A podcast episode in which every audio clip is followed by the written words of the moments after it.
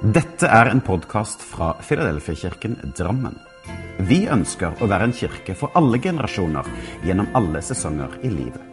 Vi håper denne talen vil skape noe godt, og at du kan finne både håp, trøst og styrke i den kristne tro. Les mer om vår kirke på filadelfiadrammen.no.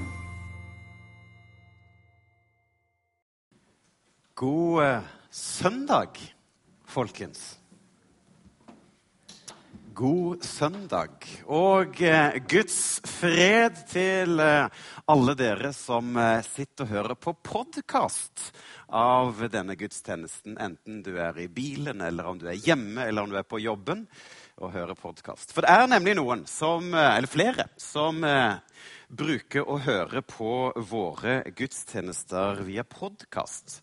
Eh, og eh, det kan jo du òg gjøre, du som er her. Og hvis det er en søndag du ikke er her, så kan du altså enten gå inn på vår hjemmeside, filadelfiadrammen.no, eller gå på Spotify, eller gå på iTunes eller andre eh, aktører. Så kan du høre på den forkynnelse som blir eh, gitt her.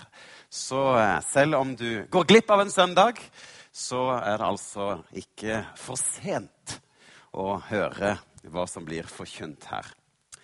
Og eh, i dag har jeg da kalt eh, min preken for 'På jakt etter Jesus'. Og eh, jeg vet ikke hva du forventer eh, i dag. Men det jeg liker å gjøre, det er å lage litt sånne titler som skal skape litt nysgjerrighet. Slik at du egentlig ikke skal eh, vite hva som kommer, men heller gå og undre deg. Høm, hva kommer i dag? Men vi har altså vært, ungdommen sammen med pastoren, på vinterferietur til Bulgaria. Og det var utrolig flott å få lov til å være med da 60 stykk ned til Bulgaria for å kose seg, men òg få lov til å bringe evangeliet gjennom og fortelle om påskens budskap. Så det var virkelig, virkelig flott. Og Her ser du altså bildet da, av eh, de som var med på turen, og vi hadde det virkelig, virkelig flott. Men eh, på jakt etter minner Hvis eh, jeg skulle ta fram ett godt minne fra denne turen som vi hadde, så må det være dette. Her er altså et bilde med meg sammen med da Odd Hyttedalen og Andreas Fevang. Vi er da på toppen av skisenteret i Borovets. Nå er vi 2550 meter over havet. Det er høyere enn Galdhøpiggen. Og der måtte vi ta, ta en selfie. Eh, vi måtte liksom bare dokumentere at vi har vært på toppen. Eh, og så kan du skimte da eh, bakgrunnen, for det er bratt nedover. Eh, men utrolig eh, å få lov til å være i Guds frie natur og få lov å kose seg. Så det er ett av de eh, gode minnene som jeg har fra turen. Og så har jeg òg et minne fra turen da vi hadde da den siste kvelden og tre kvelder med påskebudskapet, og den siste kvelden var jo fokus da på Jesu død og Jesu oppstandelse, og det var fantastisk å få lov til å bare berette, fortelle for de unge eh, om hva Jesus har gjort for oss, fordi han elsker oss. Så jeg kjente i atmosfæren at her er det mye bra som skjer, og at unge mennesker tar valg. Men har du noen gode minner fra uka som har vært. Altså, har du eh, kanskje vært på fjellet, eller vært på vinterferie, eller bare vært hjemme og jobba, men har du da noen minner som eh, du har eh, fra denne uka? Jeg har lyst til å vise et annet minne fra sommeren ja, vi kan jo nå drømme om det er februar, så vi kan jo drømme litt om eh, sommeren. Eh, og et bilde som eh, jeg har lyst til å vise, er noen år gammelt. Og det er dette bildet. Dette er fra vår campingvogn. For dere som ikke kjenner eh, oss så veldig godt, så har vi i eh, ja, 17 år reist rundt på ulike sommerstevner og ulike konferanser. Eh, og på sommeren har vi vært mye ute på tur og besøkt på Justøya bibelcamp og Lyngdal bibelcamp og Telemarkstevne og Saronsdal og Hedmarktoppen. Og mange av disse stevnene har jeg da vært inne som forkynner. Og her har vi et sommerminne eh, fra noen år tilbake, eh, hvor vi er altså i campingvogna vår. Og dette er henta ifra en musikkvideo. Vi har laga mange musikkvideoer, og dette ligger òg på YouTube. Så søker du tilbake på uh, 'Jeg folder mine hender små' med Jarle Valdemar, så vil du etter hvert uh, få se dette bildet her. Altså, Rebekka er der kanskje 10-11 år. Og hun blir 18 år nå uh, i april, så dette er en del år siden. Men bare en liten historie rundt dette, dette lille minnet vårt. Og det er at Karina, som sitter her, det er hun som har filma det aller, aller meste på Jarl-TV og våre musikkvideoer. Eh, og eh, det, hvis du ser nøye på munnen min når dette spilles av, så sier jeg til mine barn Dette vil dere alltid komme til å huske.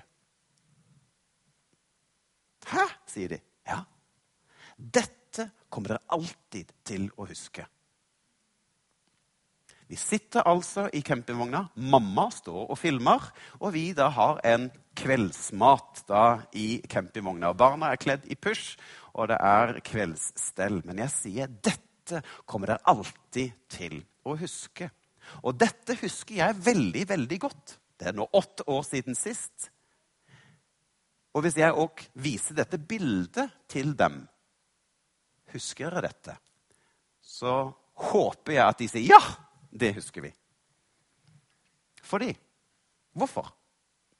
Jo, fordi at i et lite øyeblikk så satt jeg på pause og bare sier Dette kommer dere til å huske. Jeg gjorde ikke noe mer ut av det, men å sa disse tingene gjør at vi bare å ja. Hvis jeg òg går litt tilbake igjen til dette bildet her Et minne fra toppen av eh, fjellene i Bulgaria. 2550 meter. Jeg kommer til å huske denne turen lenge pga. dette bildet her. Fordi at jeg tok et lite pauseopphold og la merke til her er det et øyeblikk. Og Det samme gjorde vi altså med dette bildet i campingvogna òg. Vi setter et lite pause. Og så lager vi et minne. Så putter vi det inn i vår minnebank her inne. Og kanskje du òg har noen slike gode opplevelser som du kan huske tilbake igjen fra din eh, historie. Minner hjelpe hverandre å definere gode minner. På jakt etter Jesus heter denne preken. Vi skal til en bibeltekst i Lukas 2. Og For deg som har med Hverdagsbibelen eller Bibel på app, så kan du få lov til å slå opp. Dere som ikke har med Hverdagsbibelen, får ikke lov til å slå Nei. Eh, får lov til å slå opp, men det står annerledes, eh, litt annerledes i denne. Vi skal til Lukas 2. Og hvilke historier møter vi i Lukas 2? Det er en av de mest kjente historiene som blir fortalt hver eneste desember. Og i Lukas 2 så står nemlig juleevangeliet. Og vi skal lese ifra Lukas 2. Men ikke juleevangeliet. For vi skal til vers 25. Lukas 2, 25. Og disse ordene jeg skal lese nå, blir ikke brukt så veldig ofte i uh, våre gudstjenester. Og blir heller ikke lest så ofte som en prekentekst. Men jeg kjente at dette har jeg lyst til å gi videre i dag. Er du klar? Takk. Lukas 2, 25. I Jerusalem så var det en mann som het Simeon. Han var en god og gudfryktig mann, og Den hellige ånd var over ham. Han ventet at Messias skulle komme, for han hadde fått en åpenbaring av Den hellige ånd. At han ikke skulle dø før han hadde sett Herren Kristus. Eller Israels trøst, som han også blir kalt. Da Maria og Josef kom med Jesusbarnet, var Simeon blitt ledet av Ånden til å gå til tempelet. Simon tok Jesus i armene sine og begynte å lovprise Gud. Herre, nå kan jeg, din tjener, reise herfra i fred, slik du har sagt. For med egne øyne har jeg sett din frelse. Den frelse som du har gjort ferdig for alle mennesker. Han er et lys som gir åpenbaring for alle ikke-jøder, og han er til velsignelse og herlighet for ditt folk Israel. Josef og Maria undret seg over det som ble sagt om Jesus. Så velsignet Simon dem og sa til Maria.: Dette barnets oppgave er å vise menneskene hvordan de har gått bort fra Gud. Han kommer til å gi hjelp og gi nytt liv til mange i Israel. Men han skal også bli misforstått og motsagt. Ja, dette vil bringe deg stor smerte, som om din egen sjel blir stukket av et sverd. Men mange menneskers dypeste tanker kommer til å bli åpenbart på grunn av dette. Jesus, vi takker deg for eh, ordet ditt. Vi takker deg for at vi kan få lov til å lytte til hva du har å si. Og nå ber jeg om at eh, jeg skal få nåde til å være med og bringe trøst og håp og oppmuntring til oss her i dag ifra ditt ord. Hjelp oss til å åpne våre øyne, så vi kan se mer av deg. Amen. Simeon var altså en gudfryktig mann som eh, ble ledet av Den hellige ånd. Og la oss gjøre noen tankeeksperimenter. Vi vet ikke mer enn det jeg leste nå om denne Simon. Det står ikke noe mer. Men la oss gjøre noen tankeeksperimenter. Fordi at Simeon har altså fått en åpenbaring fra Gud om at en dag så kommer du til å se Guds levende sønn. Hvordan og når fikk han denne innskytelsen? Har han gått og båret denne bare noen dager? Eller noen uker? Men det kan virke som at det har vært en lang tid. At han har gått og båret på dette. At en dag En dag så skal jeg få lov til å se Jesus, Guds sønn. Tenk om han har gått en hel, hel mannsalder. Tenk om han har gått i 30 år med denne åpenbaringen om at en dag så skal jeg få lov til å se. Og jeg vil tippe at Simeon har hatt mange frustrerende og motløse dager. Han hadde fått et budskap og komme til tempelet på jakt etter Jesus. Men så ser han ikke dette barnet. Og så neste dag kommer tilbake igjen på jakt etter Jesus, og så ser han ikke barnet.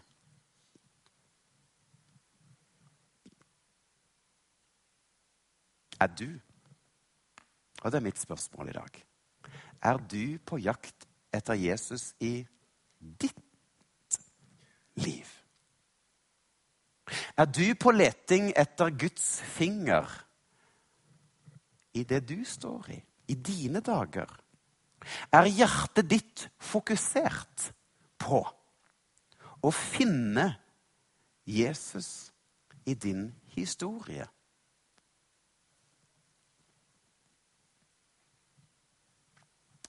Femte Mosebok i kapittel fire sier Pass bare på. Og så står det der, så pass bare på. Da bør du høre etter. Pass bare på å ta vare på sjelen, så du ikke glemmer alt det fantastiske som du har sett med dine egne øyne.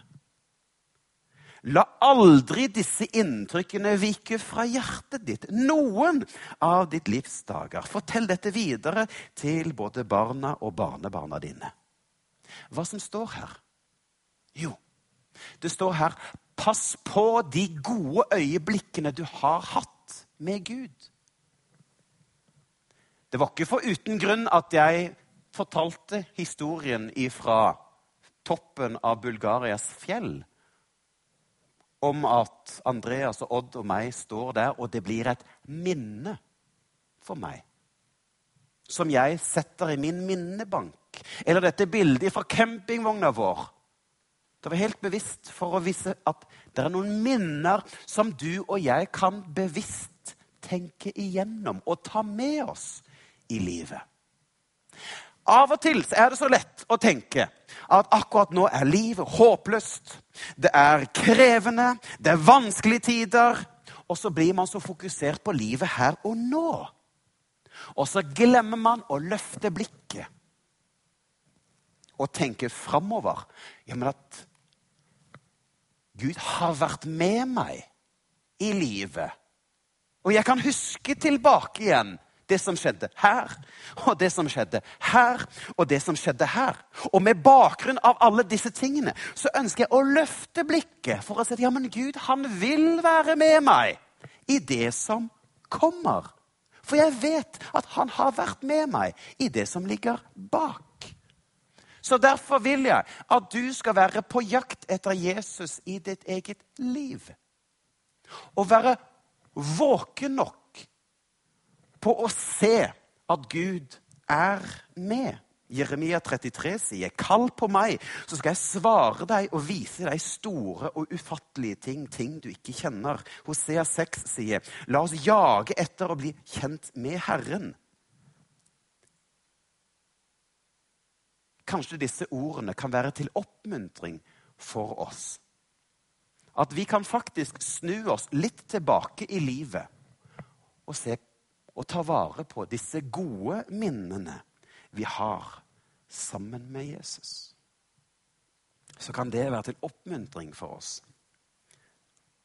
Det er forskjell på å høre og lytte. Det er forskjell på å høre og lytte. Jeg kan høre masse lyd her i dette rommet. Eller når jeg er hjemme, så kan jeg høre at det er masse lyd. Men det å lytte handler om å konsentrere seg. Og være på jakt etter at det er én lydkilde her som jeg Den kan jeg fange ut av alt det andre som skjer av lyd her. Og så kan oppmerksomheten gå der. Eller det er forskjell på å se å se etter. Jeg kan se at her sitter der masse mennesker. Men så kan jeg se etter på min egen kone som sitter der og smiler og syns dette er utrolig bra. Jeg kan se etter at hun blir beveget over at pastoren står og forkynner så fantastisk bra. Det kan jeg se etter, for jeg fokuserer på henne. Og Derfor vil jeg òg utfordre deg å være på jakt det å lytte til eller se etter at Gud virker i våre liv. At vi ikke blir blinde for det Gud gjør i vår kirke, men òg i vårt liv. Kan det hende at noen ganger så setter vi Gud i bås, og så sier vi at Gud han virker på denne måten. Hva er du på jakt etter av Jesus? Er du på jakt etter følelser? Er dine minner bare basert på følelser? At jeg kjente at det var noe som skjedde den dagen. Jeg kjente jeg ble glad, jeg ble oppmuntra. Er det bare det vi er opptatt av? Jeg var på et herlig møte. Det var så herlig lovsang, og det var så herlig forkynnelse. Fordi jeg kjente Jeg ble så glad og oppmuntra. Jeg sier ikke det er feil, men jeg sier hvis det er bare det vi er på jakt etter, at det er følelsene som driver oss, så kan det hende det blir litt fattig. Eller er det ledelse vi er på jakt etter i vårt liv? At vi ser at Gud gir oss favør og velsignelse, og ser at han åpner nye dører, og bare ser at Gud bare leder oss framover. Det er viktig å se etter det, men hvis det bare blir det Kanskje det òg kan bli litt fattig? Eller hvis vi bare er på jakt etter Guds svar gjennom ordet. At det er bare hver gang vi har en utfordring, så slår vi opp i Bibelen og prøver å finne fram noe som kan være med å bekrefte eller avkrefte hva jeg skal gjøre. Og så blir det bare det man er på jakt etter. Så kan det òg bli litt fattig. Det er ikke feil å gjøre det, men det er ikke bare der. Eller er man bare på jakt etter det overnaturlige. At Gud helbreder og gjør under. Det er bare det man er på jakt etter. Så kan det òg bli litt fattig. Jeg sier ikke det er feil, men hvis det er bare det For jeg tror vi trenger å be om at Gud skal åpne våre øyne, så vi kan se at han virker i våre liv. På ulike måter. Ja, gjennom at vi ser at Gud leder oss. Ja, gjennom følelser. Ja, gjennom at vi kjenner en guddommelig trygghet i livet vårt. Og ja, for at vi kjenner bare at Gud åpner nye dører, at vi ser at Gud beveger. Men vi må ikke gjøre Gud mindre og bare være på jakt etter noe i Gud. Men Herre, vis at du jobber. Vis at du virker i vår menighet og i vår kirke. Ikke la meg bli blind på deg. Jeg har lyst til kort å få lov til å fortelle om denne gutten her. Dette er meg. Jeg vil tippe at det var to år. Eller noe sånt. Tre år. Vet ikke. Men dette er meg. Og det var ikke uten grunn at jeg tok med dette bildet her. For eh, her ser du en gutt som sitter og spiller på orgel. Oi. Husker dere når vi hadde orgel ja, ja, ja, ja, ja. Jeg er i den generasjonen eh, hvor vi da hadde orgel. Og da jeg var ti år, sånn cirka, så sendte min mamma meg til eh, musikkskole, hvor jeg fikk lov til å lære å spille orgel. Er det andre som har vært på musikkskole for Ja, se der. Gud velsigne, Gud velsigne. Ja, halleluja. Det er mange hender. Halleluja. Og det du kanskje ikke visste, det er noen som har hørt dette før, men det du kanskje ikke visste, det var at Jarle Valdemar han eh, gikk faktisk så langt at han begynte å lære å spille kirkeorgel. Å, det var fantastisk. Jeg reiste da med buss en halvtimes tid inn til en liten kirke, for det var så fullt på det andre eh, kirka, sånn at jeg måtte reise langt av gårde. Langt ut på bygda. Du kan sammenligne med at vi reiser til Mjøndalen. Unnskyld. Og så reiste jeg ut dit, og der satt jeg alene på bygda. Det var to bondegårder ved siden av, men der satt jeg da hver uke og spilte for meg selv. Full guffe med kirkeorgelmusikk. Og jeg syntes det var så fantastisk. Jeg satt der alene, og ingen hørte, og jeg spilte mye feil. Men det var gøy å få lov å spille på kirkeorgel. Som 13-åring så var det da noen i kirka vår jeg er oppvokst i en baptistkirke. Eh, og I kirka vår så var det da noen som kom bort og spurte Hei, Arle. Kunne du tenke deg å spille keyboard i eh, koret, i ungdomskoret. Og jeg sier ja, det kan jeg godt. Så jeg begynte da. Eh, her har vi da musikerne. Så jeg satt da lenger bak enn flotte som spilte på flygel. Så langt bak der satt jeg, og da spilte da på et keyboard, eller sunt. Eh, og jeg spilte nok en del feil. Det gjorde jeg nok. Men jeg fikk lov til å prøve meg, eh, så det var veldig hyggelig. Men, men, jeg så jo på de da som spilte da på, på flygel og tenkte ja, jeg har lyst til å lære det òg. Så derfor så gikk jeg da og begynte å lære og spilte piano og syntes det var fantastisk. Så hopper jeg litt i historien, og så er det da eh, slik at eh, jeg eh, ble rundt 16-17 år, og da begynte jeg å skrive egne sanger. For da hadde jeg altså gått og lært, så nå begynte jeg å skrive egne sanger.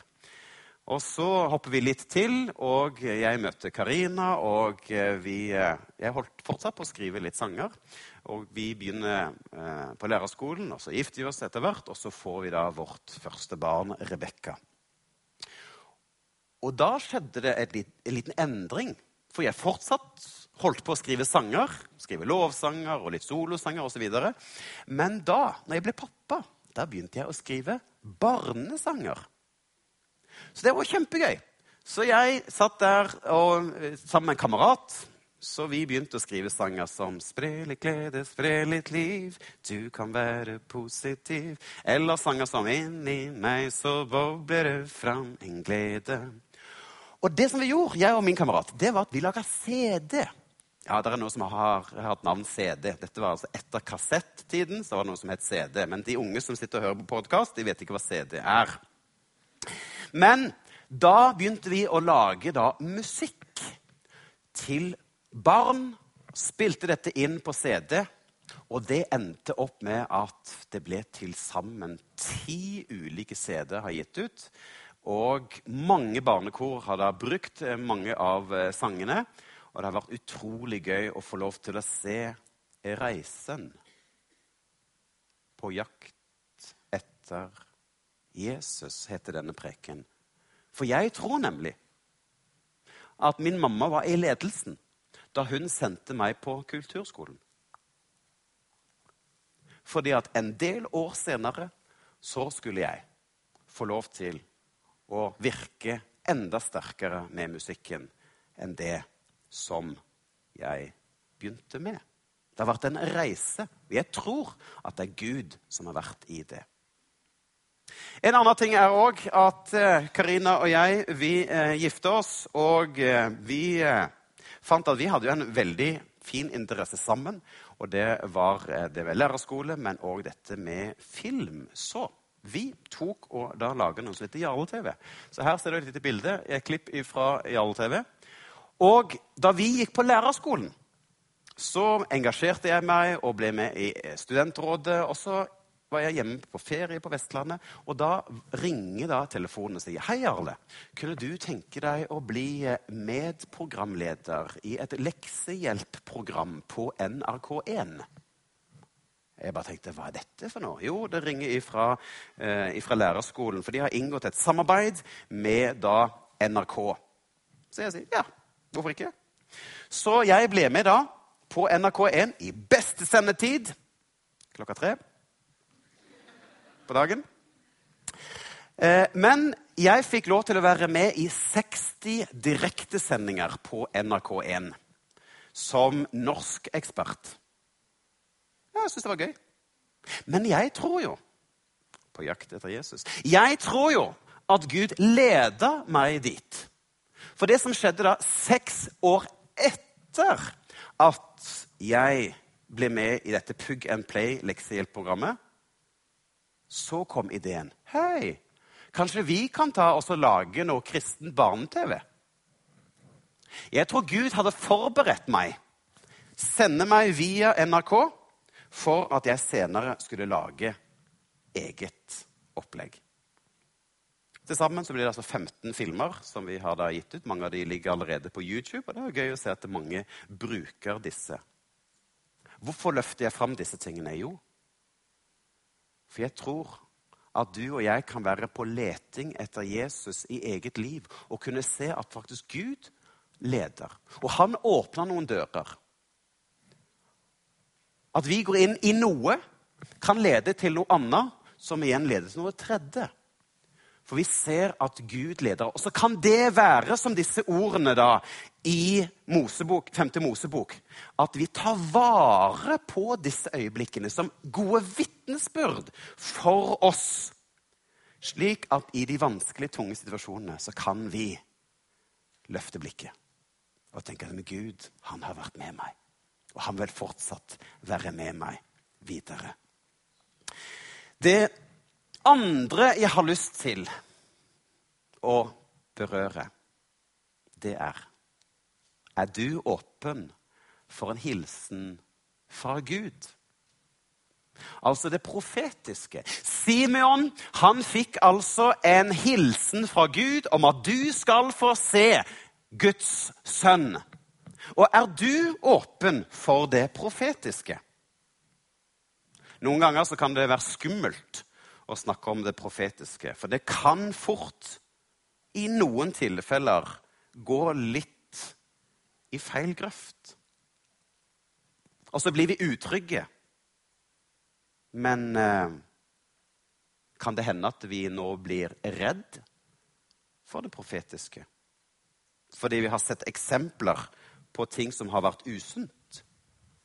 Jeg tror det er bibelsk, eller det er bibelsk med det profetiske. Og det er ikke noe vi skal være redd for. Fordi jeg tror at Gud kan virke og komme og gi en personlig hilsen til mennesker, eller til kirke, eller til nasjoner. Jeg tror det. Og her så har jeg da fem ulike måter med det profetiske. I Bibelen så finner vi en rekke samtidsprofetier. Altså, Da kan vi f.eks. lese i Mika om at han profeterte om Judas bortføring, altså Sørrikets bortføring til Babylon. Han skrev om det på forhånd at dette kom til å skje. Vi finner òg Messias-profetier i Bibelen.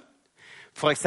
i Jesaja så står det om at Jesus skulle bli født av en jomfru. Altså, Det er ting som er skrevet 700-800 år før det skjedde. At vi kan lese om at Jesus skulle bli født i Betlehem. Vi kan lese om at Jesus skulle komme ridende på et esel. Vi kan lese om at Jesus skulle bli torturert, han skulle bli korsfestet, og han skulle også stå opp igjen ifra de døde. Så har vi òg endetidsprofetier. Går vi til Daniels bok, så ser vi at her er det mye om det fremtidige som skal skje i historien. I de siste tider. Det er ikke skrevet for å skremme oss, men for å gi oss en trygghet. Og så har jeg også kalt det for profetier med en dobbel bunn. Fordi at mange av de profetiene som vi da leser i Bibelen, i Det gamle testamentet, handler om to ting.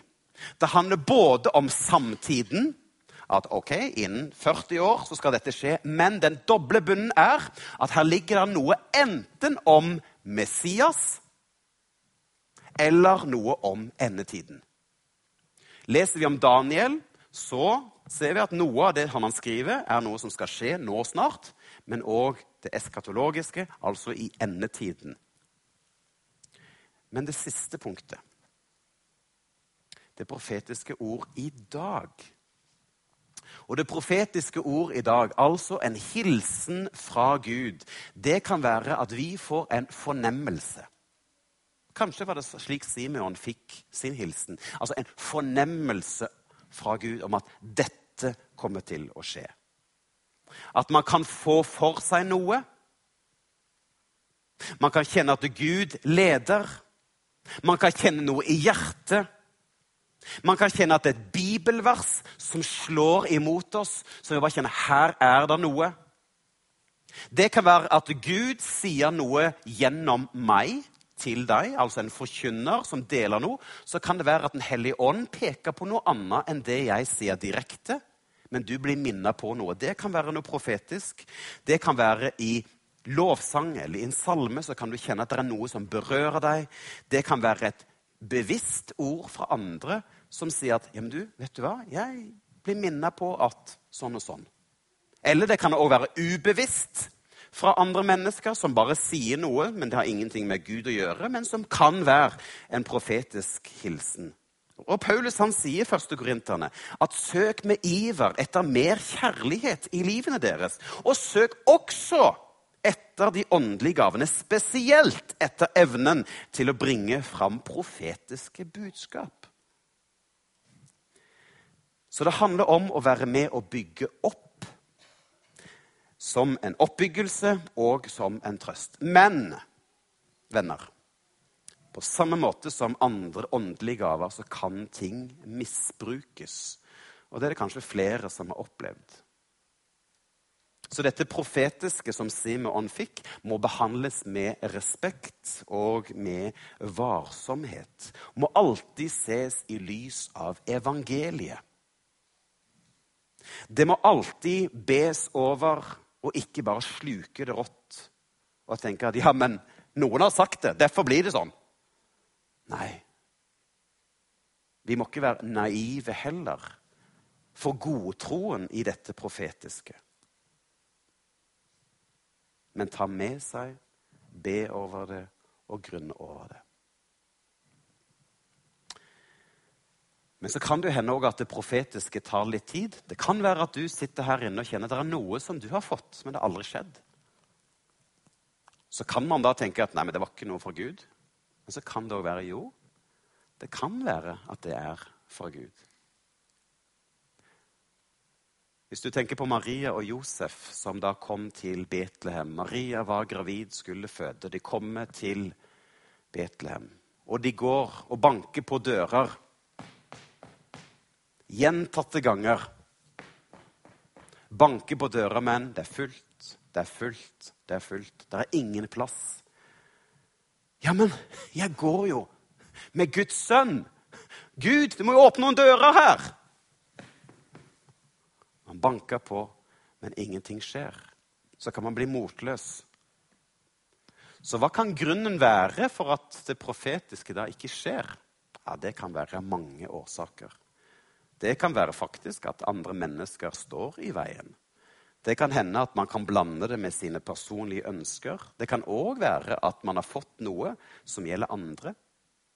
Det kan hende at man har sett ja, men jeg har sett meg selv i dette. Ja, det kan hende, men det kan være den neste generasjon som skal i dette. Så Derfor må vi være vise i forhold til dette profetiske. Ikke bli slave under det, men be om at Gud skal lede oss i dette. Så denne preken handler altså på jakt etter Jesus. Og hovedbudskapet mitt var det jeg starta med. Men jeg måtte ha med dette om det profetiske, så lenge teksten handler òg om det profetiske. Men at du og jeg kan få lov til å være våken for det Gud gjør nå. At vi ikke blir blinde og setter Gud i bås og så sier men Gud, jeg ser ingenting. Jeg merker ingenting. Be heller. Gud, må du åpne mine øyne, så jeg kan se at du virker. At du, Gud, virker i mye større grad enn det jeg aner å se, enn at det jeg har forhånd bestemt meg for at du skal virke. Hjelp oss òg til å se det som har vært i livene våre. Gud, må du gi oss åpenbaringer på vår historie, som kan være til oppmuntring for det som kommer nå, og det som ligger foran. Herre, åpne mine øyne, så jeg kan se deg i mitt liv. Og Herre, lær meg å gjenkjenne deg når du taler.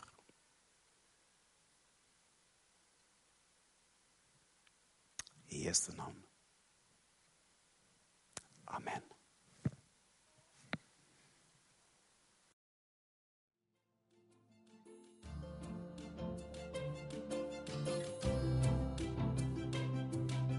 Som en avslutning på denne podkasten ønsker vi å lyse Herrens velsignelse over deg.